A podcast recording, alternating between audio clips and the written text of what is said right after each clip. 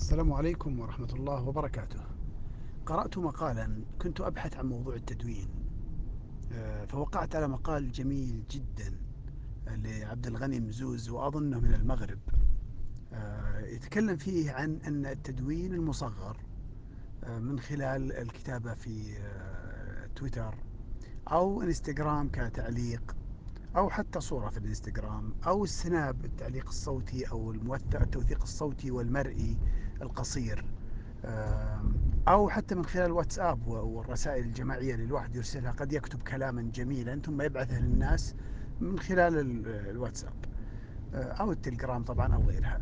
يتحدث أن هذه التدوينات الصغيرة جعلت الناس يتوقع أن خلاص ما دام كتب نفترض التغريدة المناسبة وبعثها لخمسين واحد ولا مئة واحد ولا قرأها ألف ولا ألفين شخص في تويتر أنه يعني قدم المطلوب منه مع أن في الواقع أن عدد غير قليل من حسابات تويتر يتم إغلاقها إما بفعل فاعل أو اختراقها أو إغلاقها من تويتر أو أن الشخص ينسى كلمة المرور الخاصة به.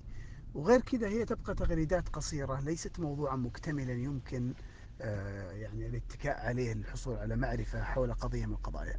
فتجد مثلا الشخص اللي يتكلم عن الجهة التي يعمل فيها وعندها نشاط مميز يستحق الذكر والإشادة وتجارب موفقة. تجد أن هذا الكلام عن التجربة هو موجود على شكل تغريدات قصيرة وصغيرة آه، ومفرقة خلال سنة كاملة أو ستة أشهر أو ثلاثة أشهر. وتجد أن مثلا حدث ما كملتقى أو فعالية رائعة وقدمت فيها كلمات وأوراق عمل جميلة تجد هذه المادة غير متاحة في الغالب ولا حتى رأيك في هذه المادة المطروحة لأنك كتبتها على سبع تغريدات عشر تغريدات في الهاشتاج النشط آنذاك الهاشتاج النشط يموت والتغريدات تبتعد عن عين القارئ ثم يصعب الرجوع لها لاحقا وحتى تصنيفها لو قدرت كما هو متاح في تويتر إنك تأخذ نسخة من كل حسابك وكل تغريداتك ستجد هناك معاناة كبيرة في جمع الموضوعات ذات العلاقة ما الذي أريد أن أخلص إليه؟ أريد أن أخلص إلى أنه يجب أن لا تكون وشبكات التواصل المختلفة على اختلافها لا تكون بديلا عن التدوين المكتوب للعمل أيا كان. فإن كان عندك اختصار لكتاب قرأته ووقفات مع كتاب قرأته فلا تنثرها كتغريدات ولكن يجب أن يكون عندك المادة المختصرة الخلاصة في صفحة صفحتين ثلاث صفحات ومعنونة بهذا العنوان ومنشورة ومحفوظة عندك في الوقت ذاته. بعد ذلك إذا شئت أنك تحول هذه الخلاصة إلى مجموعة تغريدات هذا الأمر جميل لأنها وسيلة للتسويق للأصل لكن يجب أن يكون التدوين المطول والكتابة التفصيلية موجودة. والناس اليوم يدخلون على الهاشتاج النشط ويقرؤون تغريدك ضمن النشاط فيفهمون الموضوع لأنهم عارفين أن اليوم صار الحدث الفلاني فتغريدتك وإن كانت موجزة وإن كانت ليست مفصلة لكنها في سياق المعرفة العامة واضح ماذا تريد. لكن يجيك واحد بعد مرور سنوات بعد مرور سنة سنتين ويطفى الموضوع ولا عاد أحد يتكلم عنه وقد يذهب الذين عاصروا الموضوع نفسه ثم يقرؤون تغريدك منتزعة من سياقها لا يفهمون المقصود بها. ولذلك أنت مثلا إذا جيت تكتب عن حدث من الأحداث فما تكتب رأيك المجرد باعتبار أن القارئ عارف وش الحدث لا. تكتب أنه حصل كذا وحصل كذا وحصل كذا ثم الوقفات المستفادة من هذا الحدث وتعليقك عليه بحيث أن كل قارئ لهذه الورقة اليوم أو بعد سنة أو بعد عشر سنين يستطيع أن يستفيد منها بشكل كبير.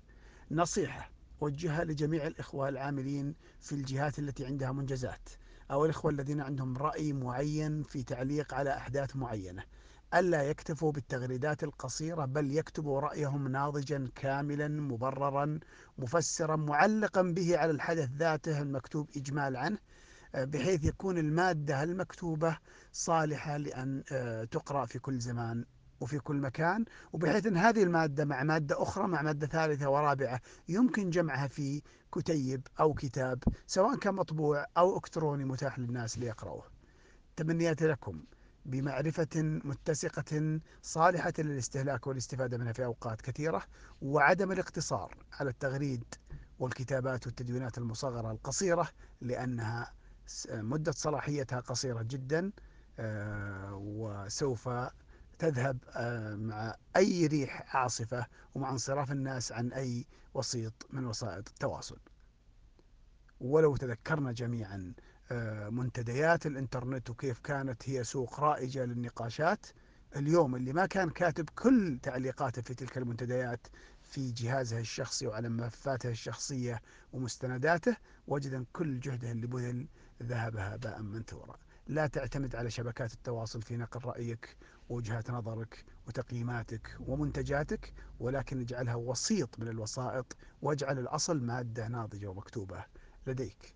تمنياتي لكم بوقت سعيد تقضونه في كتابتكم وتقييداتكم ومرئياتكم. والسلام عليكم ورحمة الله وبركاته.